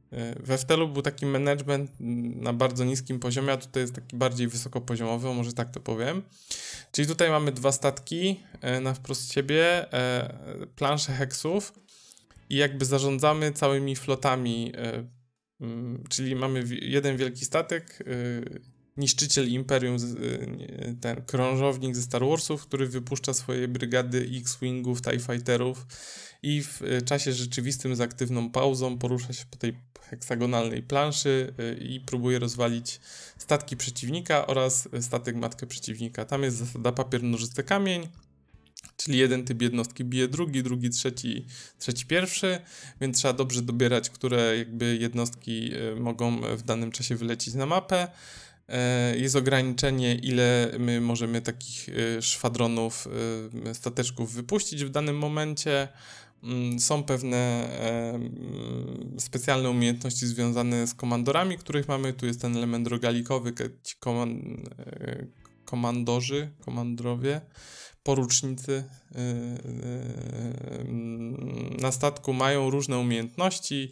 W każdym ranie pewnie oni będą mogli ginąć. Pojawią się nowi z losowymi skillami. Więc ta, jest taka walka w czasie rzeczywistym z aktywną pauzą. Ona jest fajnie zorganizowana, fajnie zrobiona. Nie wiem, czy ona na dłuższą metę nie będzie się nudzić. Obstawiam, że ta część, czyli ta walka statek na statek, raczej nudzić nie będzie. To jest dobrze zorganizowany, spoko działa na padzie. A, jedna rzecz istotna, e, nie działa w tej grze, e, dwie rzeczy nie działają. Nie działa ekran dotykowy, więc trzeba wszystko wyklikiwać e, za pomocą przycisków. I druga rzecz jest taka, że nie działa przeklikiwanie się przez menu za pomocą krzyżaka co e, w grach, które nie e, polegają na przeklikiwaniu się przez menu, e, konieczność robienia tego na gałce i niemożliwość przytrzymania w lewo i w prawo, żeby przeskakiwać między opcjami jest głupie, bo trzeba gałkę przesuwać w górę, w dół, w lewo, w prawo parę razy, żeby dojść do jakiejś opcji, więc to jest trochę do dupy. E, I to jest jakby pierwsza część tej gry, taka składowa, powiedzmy, growa, e, a druga e, część to są takie ekspedycje na Ziemi, w sensie mamy układ słoneczny i na niektórych planetach da się wysłać ekspedycje naszych komandosów. I to jest już trochę bardziej nudny element. Wybieramy, jaki kapitan z, będzie dowodził tą grupą komandosów, ilu ich wysyłamy i to jest taka prosta paragrafówka, że oni sobie idą, idą, idą i raz na jakiś czas możemy zdecydować, czy oni już wracają, czy yy, i próbują iść dalej, nie? Czyli to jest gra y, push your luck, yy, czyli ile jesteś w stanie zaryzykować, żeby dostać lepszą nagrodę. Yy, i to działa w ten sposób, że macie tych tam powiedzmy 10 komandosów, jednego porucznika, 11-osobowy skład, on sobie idzie, idzie, idzie, kogoś spotyka losowo, nie macie żadnego wpływu na to, co się dzieje. On spotyka losowo coś, Yeti, nie wiem, tubylców, whatever na tej planecie, walczy, czasami ktoś zginie, nie zginie, Pojawia się parę takich eventów pod rząd. Okazuje się, że macie trzech zginęło, pięciu jest rannych, yy, pięciu żyje i ma się dobrze, i macie do wyboru idziecie dalej albo wracacie, nie? I tyle wyboru. Więc to jest taki element, który wydaje mi się trochę nudnawy i z tego co oglądałem recenzję, tego jest w dalszej części całkiem sporo. I to nie jest do końca takie fajne. Ale się tak kurde rozgadałem rozgadałem e, o tej grze, ale to wiecie, trzeba było dobrze nakreślić, czym to się różni od FTL-a i o co chodzi w tym rogaliku. I teraz e, moje takie uwagi co do gry, w sensie uwagi, spostrzeżenia. Bardzo ładny pixel art, to mówiłem, bardzo fajna muzyka, jak w Deus Exach to mówiłem. Gra potrafi chrupnąć do 10-15 klatek w tym widoku bitwy. To nie jest jakoś super problematyczne, bo tam jest aktywna pauza i to nie jest jakby coś w czasie rzeczywistym, co trzeba robić, ale tam się zdarzają takie spadki animacji do 10-15 klatek. I jest jeden taki problem, który trochę mnie zniechęcił do. Nie, bo ja nie skończyłem tego dema, ale teraz dlaczego tego nie zrobiłem? Nie dlatego, że gra mi się nie podobała, tylko losowo w tej grze znika dźwięk. Jakby wyłącza się dźwięk w grze. I teraz nie, nie trzeba restartować gry. Wystarczy uśpić konsolę, czyli wcisnąć na górze przycisk usypiania i potem yy, yy, ją próbować wybudzić. Tam się klika jak to na Switchu 3 razy jeden przycisk i wracamy do gry. I wtedy już dźwięk jest. I ogólnie to nie jest jakiś super problem, bo można by tak robić, tylko że to potrafi w, tak na przykład co minutę albo co dwie wyskoczyć, albo w trakcie jakiejś akcji walki, nie? Znika wam dźwięki i chuj nie ma, nie? Więc to, nie wiem czy to jest problem tego dema, czy to jest problem też pełnej wersji, czy to jest, nie wiem, kurde, problem instalacji u mnie na mojej konsoli, nie mam pojęcia. Nie próbowałem tego przeinstalowywać na kartę, czy tam z pamięci, czy do pamięci konsoli, nawet nie wiem na czym jest zainstalowane. E, to denerwuje, nie? E, myślałem, że to jest takie coś, co w sumie, a, przymknę oko, fuck nic się nie stało, ale to jest rzecz denerwująca. Ale jakby pomimo tego moja ocena tej gry jest taka, że dostaję złote gadki, kupiłbym ją tak samo jak e, Wanderlust i, e, i tak samo jak Coffee Talk. Nie jestem aż tak bardzo zachwycony jak w przypadku Coffee Talk i Wanderlust, a na, tą, na ten tytuł najbardziej chyba byłem zajarany, czy oczekiwałem ze wszystkich, że to będzie fajne. Ale i tak y, mam już to na liście promocji i jak tylko wskoczy, a widziałem, że zdarzają się już takie promki, że można to wyrwać po chyba po 40 zł albo nawet po 30 z 80, to ja to kupię i będzie grane. Nie wiem, czy to przejdę całe, bo ja mam taki problem z rogalikami, że w nie bardzo długo gram, nie do końca przechodzę, ale tu może mi chwycić to, że jest ta część fabularna i tam są faktycznie takie rozdziały, które się kończy fabularnie i, są nowe rzeczy, więc to nie jest ciągle jakby robienie tego samego, tylko jeszcze tutaj trochę pcha ta fabuła. E, gdzieś słyszałem, czytałem, czy obiło mi się o uszy, że to jest tam osie, o, około 20 godzin na jakby skończenie tych... E, na skończenie tych e, wszystkich rozdziałów, tam potem się odblokowuje nowe statki, można robić nowe buildy i tak dalej, i tak dalej, a to wiecie, rogaliki, nie? Eee, dobra, czyli mamy Crying Sounds odhaczone i mam jeszcze dwie, dwa tytuły. Tak patrzę na czas, jest tam w miarę ok. Myślałem, że się bardziej rozgadam. Mam jeszcze dwa tytuły. Eee, ostatnie dwie rzeczy, które zostały. Pierwsza z nich to jest. Kurwa, jak wymówić ten tytuł? Blasphemous. Blasphemous. To takie. Dobra, ja już powiedziałem ten tytuł. Yy, ja obstawiam, że wszyscy już to grali, nie? Jakby kto miał to przejść, to już to przeszedł. Każdy to widział, bo to jest jakaś taka charakterystyczna gra z Kickstartera, która zrobiła trochę furorę swoją oprawą i tym, sorry Ania, że to są Dark Soulsy w 2D, lepsze niż, czy tam lepiej wyglądające niż Salt and Sanctuary. Nawet bym powiedział, że to jest taki Bloodborne w 2D. Eee, no ale skoro już powiedzieliśmy to sobie, eee, to, to jedna rzecz, która się rzuca w oczy na pewno, eee, że to jest kurde znowu ładny pixel art, nie? Jakby są chujowe pixel arty i są dobre pixel arty. Ja generalnie bardzo lubię pixel art i tu jest bardzo ładny pixel art. Są szczegółowe animacje, bardzo krwawe animacje, i kurde, naprawdę fajnie to wygląda, nie? E, bardzo fajnie to wygląda. Jak mówiłem, to są Dark Soulsy w 2D. Takie trochę połączone z Metroidvanią. E, ja nie chcę tam mówić o fabule i tak dalej. E, znaczy, fabuła ma problem Dark Soulsowy, to znaczy fabuła jest w opisach przedmiotów, nie? Ale jakby pomijając ten fakt, jest Metroidvania trochę, e, bo się dochodzi do jakiegoś elementu, trzeba się cofać, szukać, jak tam przejść. E, bardzo mi się podoba oprawa, to mówiłem. Bardzo mi się podobają animacje, to chyba też mówiłem. I to, że jest krwawo, to też mówiłem w sumie. E, ale jest jedna rzecz, bo ja generalnie nie jestem fanem gier soulsowych, ale jest jedna rzecz, która w tym tytule akurat mnie trochę przekonała. To znaczy, jest tu mechanika parowania. Mm, I jak wiecie albo nie wiecie, w grach soulsowych to nie zawsze jest takie proste, bo okienko na parowanie to trzeba być Japończykiem, nie? E, bo jest bardzo mały i trzeba się tego nauczyć i potem trzeba się nauczyć animacji każdego przeciwnika, dokładnie w którym momencie trzeba parować, bo jak tego nie zrobicie, to jak to w grach soulsowych, jeden cios zabiera dwie trzecie życia, albo czy czwarte, albo w ogóle jesteście na strzała, flaszek e, jest mało, jak wam się nie uda trafić e, z oknem parowania, więc a jak umrzecie, to trzeba zaczynać fragment od nowa, przeciwnicy się odradzają, nie? Więc jak nie umiecie parować, to jesteście w dupie.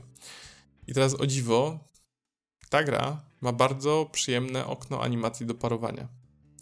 W sensie to nie jest tak, że e, można sobie spamować e, parowanie i się e, odbije wszystkie ataki przeciwnika, bo oczywiście jak się odbija atak przeciwnika, to wtedy można wykonać kontrę, bo w kontrach jest animacja finishera, które są bardzo krwawe i są super. No ale wracając do tego parowania, to nie jest tak, że w momencie, gdy przeciwnik was atakuje, to tam są kurwa milisekundy na wciśnięcie tego przycisku, a jak nie, to w ogóle wpierdolka i umieranko i rzucanie switchem o ścianę. Nie, ja mam wrażenie, że to jest gra zrobiona przez ludzi dla ludzi. I pomimo tego, że ona jest trudna, wymagająca, ma Dark Soulsowe mechaniki, przeciwnicy jak ci spuszczą w pierdol, to inoroz, jak się zapomnisz. To najważniejsze jest to, że według mnie okno animacji y, na blokowanie jest zrobione po ludzku i spokojnie da się parować. To nie jest tak, że to wejdzie za każdym razem, ale to nie jest też tak, że wejdzie tylko raz na 15. Nie? Y, to jest raczej raz na parę y, parowań i się wam nie uda po prostu, bo się gdzieś tam machniecie, ale nie trzeba mieć małpiej zręczności. I tutaj brawa, i mały disclaimer od razu, czy mała uwaga. Ja nie wiem, czy to nie jest kwestia tego, że e, ja grałem jakby w początkowy etap tej gry, no bo to demo. I może po prostu ci przeciwnicy na początku są tak prości, albo mają tak e, prosty pattern ataków, że można łatwo wykminić, kiedy oni atakują i kiedy trzeba odbijać te ataki. Może to jest kwestia tego, to, tu jest mi ciężko stwierdzić, na pewno na tym etapie, na którym ja grałem, było przyjemnie, trochę wymagająco. Nie powiem, że było super wymagająco, nie powiem też, że było super prosto, bo czasami nie wychodziło, ale można powiedzieć, że to było takie na przykładzie innych y, Soulso podobnych gier. Przepraszam, Ania, jeszcze raz. Za każdym razem będę chyba powtarzał. To to było całkiem przyjemne. Eee i generalnie w sumie o tym demku to jest tyle, co mogę powiedzieć, czyli Dark Souls, przyjemne odbijanie, super wygląda 2D, piękne animacje. Mm, jak ja bym to ocenił prywatnie, i teraz tu też mam z tym problem, bo tak, to nie są brązowe kalesony, nie? To, to zdecydowanie. Generalnie, normalnie powiedziałbym y, dla ludzi y, lubiących takie klimaty czy takie pozycje, trochę wymagające, trochę metroidowe, e, trochę oryginalne stylistycznie, bo jest naprawdę super to zrobione. Powiedziałbym, że złote gadki. Ja generalnie się wstrzymuję z oceną, bo wiem, że gry Soulsu podobne nie są dla mnie, ale zawsze mnie coś w nich pociąga. E, więc nie daję oceny, ale mogę wam powiedzieć, że od razu sprawdziłem cenę i było w promce. Normalnie to chyba kosztuje 80 czy 60 zł, tam jeszcze chyba jakieś DLC wyszło. Nie wiem, czy one jest darmowe, czy płatne, e, nieważne. E, coś jak Old Hunters, e, mam takie wrażenie. E, no, ale wyszło, e, było to w promce, że jak ja w to grałem, to był ostatni dzień promki, że to kosztowało 18 zł. I już miałem takie, kurde, no nie wiem, czy to jest do końca dla mnie, ale ja lubię Metroidy. Coś, coś mnie zawsze pociąga od tych Soulsów, chociaż je potem kupuję i potem porzucam, zaczynam i porzucam. Ja mówię, ale kurde, 18 zł, czy tam 20, to bym zainwestował, nie? Ja mówię, e, to, to chyba, chyba się skuszę. A mówię, nie, Dawid, masz taką kolejkę gier, że to nie chodzi o 20 zł, tylko nie chcesz sobie dokładać kolejnej. I stwierdziłem, dobra, dobra, będę twardy. Nie dodaj, nie, jakby nie kupuję od razu ale przyznam się, dodałem na listę śledzenia do promek. I to może być tak, że ja następnym razem e, spękam i to zakupię. Fajne jest to, że miałem możliwość przetestować dema i, wiem, że to mi się podobało po prostu, bo na przykład ostatnio kupiłem Gris y, w promocji. Normalnie Gris kosztuje chyba 60 zł, ja dałem za to 8. Y, I cieszę się, że dałem tylko 8 zł, bo po 20 minutach to wyjebałem. Nie? To jest arsi farsi y, platformówka 2D, która mi się osobiście nie podoba, bo ja nie lubię arsi farsi platformówek o niczym i o wszystkim, o egzystencji człowieka. E, I w przypadku takiego Grisa wydałem tylko 8 zł zamiast 60 i na szczęście tylko 8 zł, ale za 8 zł miałbym dwa cheeseburgery w McDonaldzie, więc i to byłby lepszy wydatek. O ile w takiego Blast Blast Blasphemous Blasphemous yy, tu wydałbym 20 zł, ale przynajmniej wiedziałem, że to, to nawet jeżeli ja to porzucę, to, yy, to i tak yy, uznam, że to było fajne i że dobrze wydałem pieniądze, nie? Więc tu powiedzmy, że ja nie daję oceny, ale ogólnie gdybym nie był samym sobą, to dałbym złote gadki. I co mamy? Godzinę 25 to zmieścimy jeszcze ostatnią, ostatni tytuł.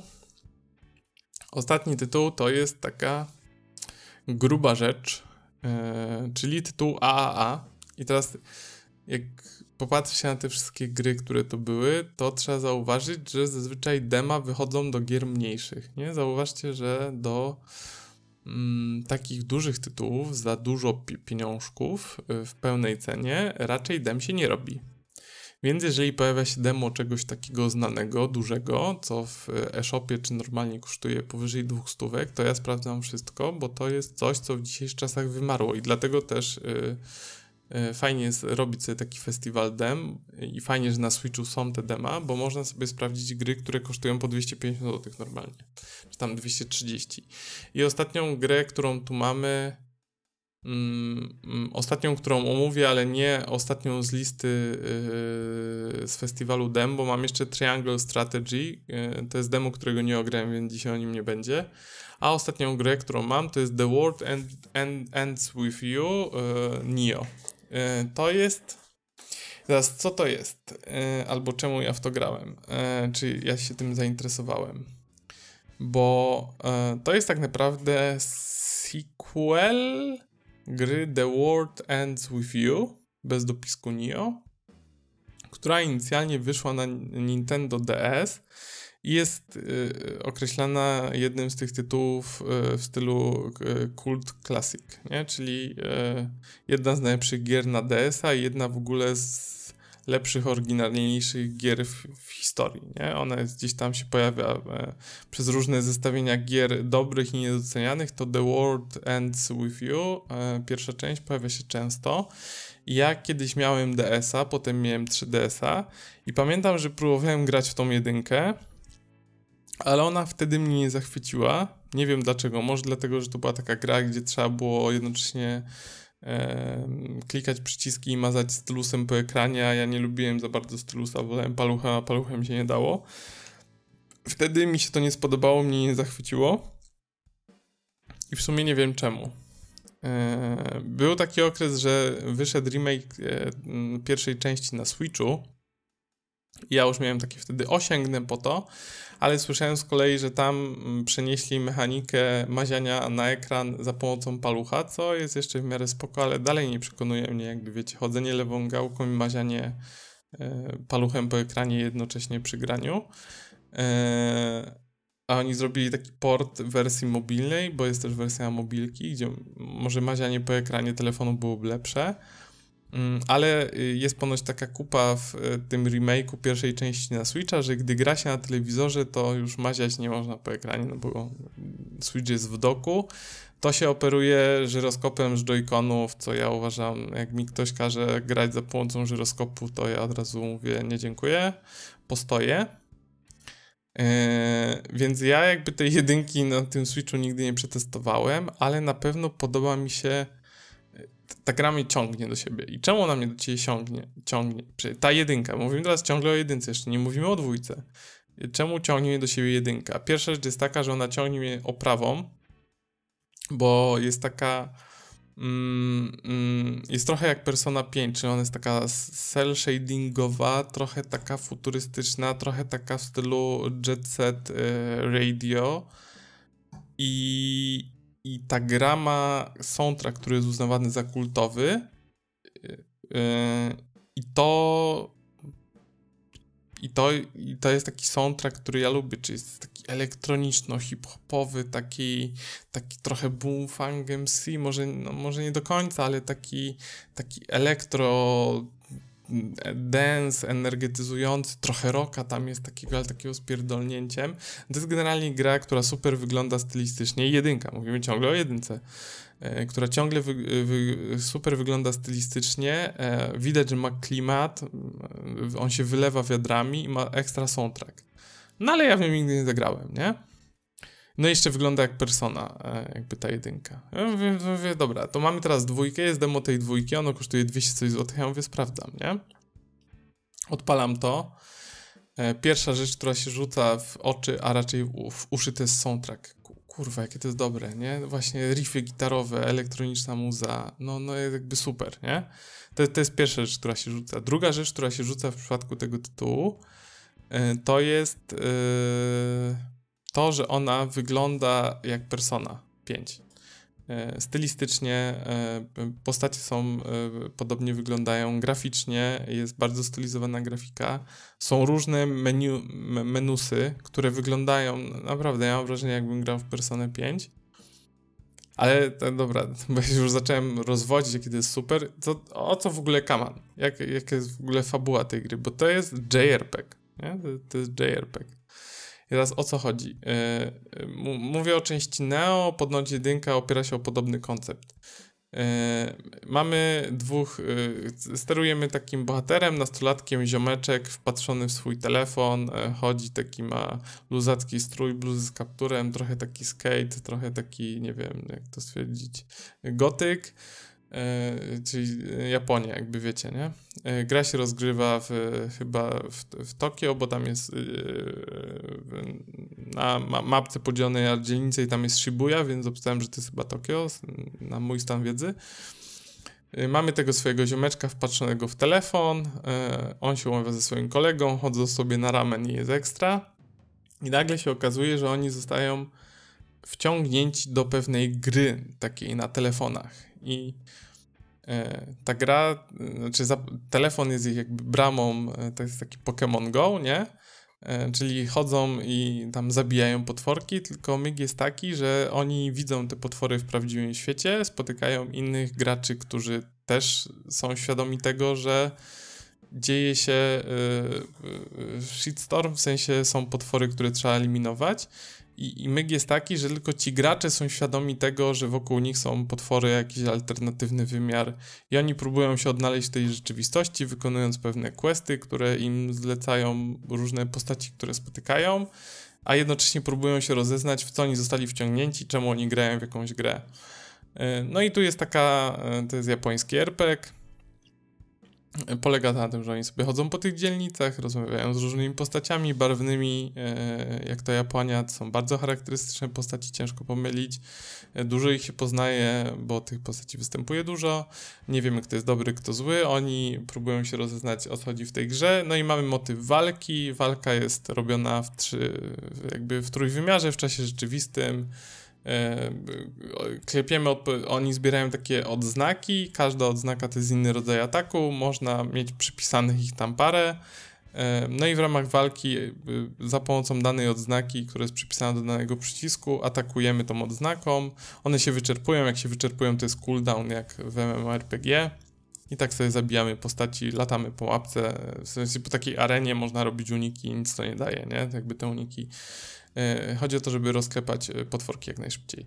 One tam mają jakieś podatności, robi się jakieś kombosy, różne takie. To jest w miarę proste, super jest to wytłumaczone w trakcie gry, więc jakby zero problemów.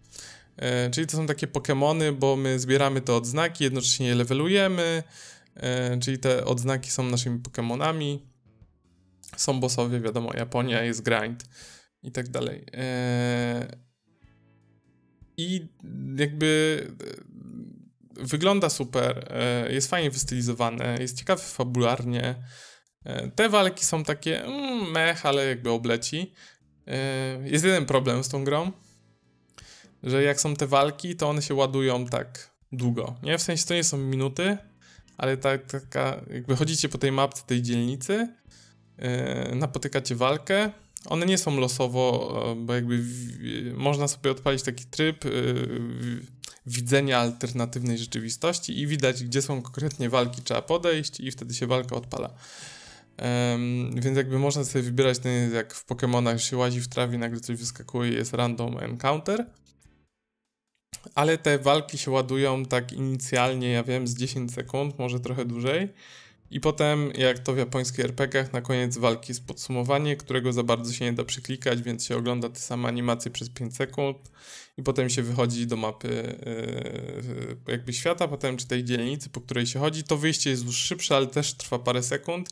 I generalnie, jakbym się miał czepić czegoś w tym tytule, to jest to, że no trzeba trochę zagryzać zęby na tych ładowaniach e, areny walki i potem podsumowaniu po, po, po, przejściu tego zabójstwa. Ale tak ogólnie to to demo bardzo mi się podobało.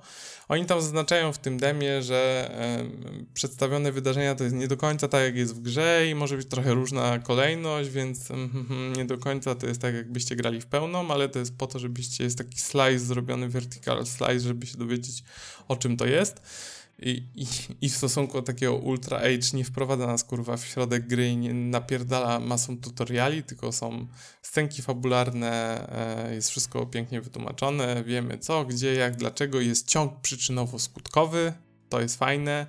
Nasze ziomeczki są spoko, to są typowe nerdy patrzące w telefony, więc naprawdę, kurde, tak pod względem takiej otoczki, jak to jest wykonane, to jest na, na, naprawdę fajne i rozumiem, dlaczego to kosztuje 270, czy tam, no nie 270, dlaczego to kosztuje 200 tam 20 zł w wersji pudełkowej w kartridżu, nie? E, więc już tak e, zbliżając się do końca, The Words End With You e, Nio, e, Złote Gadki. Z tego co wiem, nie trzeba znać jedynki. Ja bym to kupił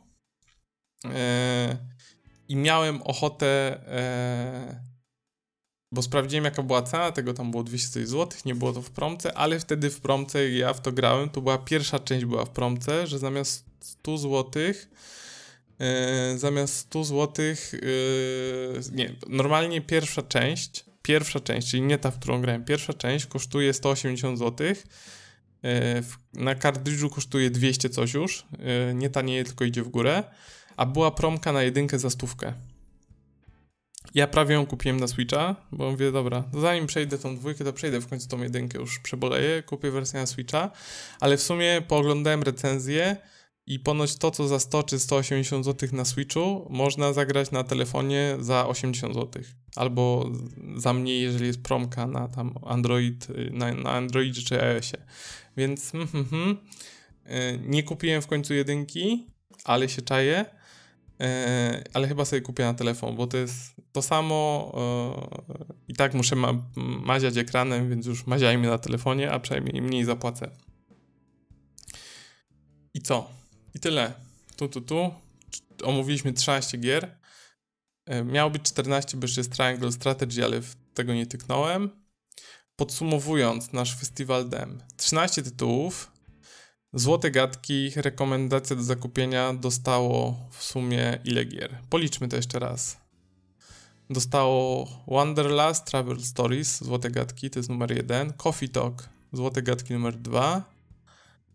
Kirby and the Forgotten Land numer 3, e, Crying Suns numer 4, Blast, Famous numer 5 z gwiazdką i szóste to jest The Words End With You. Czyli powiedzmy, że 6 gier na 13 kupiłbym i zagrał. Ej, to jest jakby dobry wynik, nie?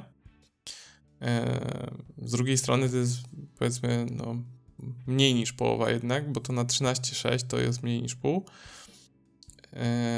Ale generalnie ja swój, tą edycję festiwalu DEM uznaję za udaną, bo naprawdę wpadły tytuły, o których ja trochę nie miałem pojęcia, że one są dobre. Ja może o nich słyszałem, o niektórych zmieniłem zdanie jak Blast coś tam, coś tam, E, bo ja to widziałem wcześniej, byłem tego świadomy, ale nigdy tego nie testowałem. E, co mnie zaskoczyło? Zaskoczyło mnie Coffee Talk, e, Wanderlust i The Words End With You Neo. To są rzeczy, które mnie naprawdę zaskoczyły. Crying Sans, ja wiedziałem, że mi raczej podejdzie. To było raczej kwestia sprawdzenia i tutaj się nie pomyliłem. Kirby też wiedziałem, że będzie dobry, bo to jest od Nintendo. E, Liberated to jest coś, co, czym się trochę rozczarowałem, szczerze, bo liczyłem, że to będzie trochę lepsze i Mr. Driller e, to jest chyba moje największe rozczarowanie, ale super, bo moje Festival Dem pokazało mi, że to nie jest gra dla mnie i po, po to jest też ten Festival Dem, nie? E, więc co? Więc tak, fajnie było, mam nadzieję, że się podobało. Zachęcam e, wszystkich e, do robienia sobie samemu czegoś takiego. Można sobie przelecieć, e, czy to demka na Switchu, jeżeli się ma Switcha. Na Switchu jest chyba najwięcej demek wychodzi ogólnie, więc ja za pewnie 3-4 miesiące zrobię sobie kolejny festiwal dem, tak mniej więcej raz na kwartał to robię, ale można też robić podobne rzeczy na Xboxie, można robić na PlayStation, w zakładce w sklepie jest taka, e, na pewno na PlayStation jest taka sekcja cała e, e, gry dema, i tam można sobie posprawdzać. Na Xboxie jest chyba filtr. Wylistuj mi gry, które posiadają demo. Bierze się, sortuje po dacie wydania od najnowszego i jedzie od góry, nie? Tylko potem trzeba jakby przejść te demka. Ale jak mówię, one różnie zajmują. Czasami niektóre ja osobiście wyłączam po 5 minutach, bo nie mam z tym problemu, bo wiem, że to nie jest dla mnie i nie mam ochoty sprawdzać dalej. Y, niektóre przechodzę całe, niektóre wyłączam w trakcie y, z takim pomysłem, że nie chcę widzieć, co jest dalej, bo i tak będę grał kiedyś w pełną wersję. Więc ja polecam. Y, mam nadzieję, że się podobało. To były gierki i duperelki, odcinek pierwszy. E, albo Gadki Szmatki odcinek 55,5. E, to byłem ja, e, Dawid, aka Bates i żegnam się z wami wszystkimi i do usłyszenia następnym razem. Mam nadzieję, że już z Sebastianem i zda nam relację wszystkim, jak tam nowy bąbelek w rodzinie. Także co? To było na tyle. Godzina 40, ja pierdolę, ale się nagadałem. E, zrobiłem, mam całą butelkę wody, nic nie wypiłem, więc zaraz mi gardło wyschnie. Także co, e, kończymy i do usłyszenia za tydzień. E, na razie, pa.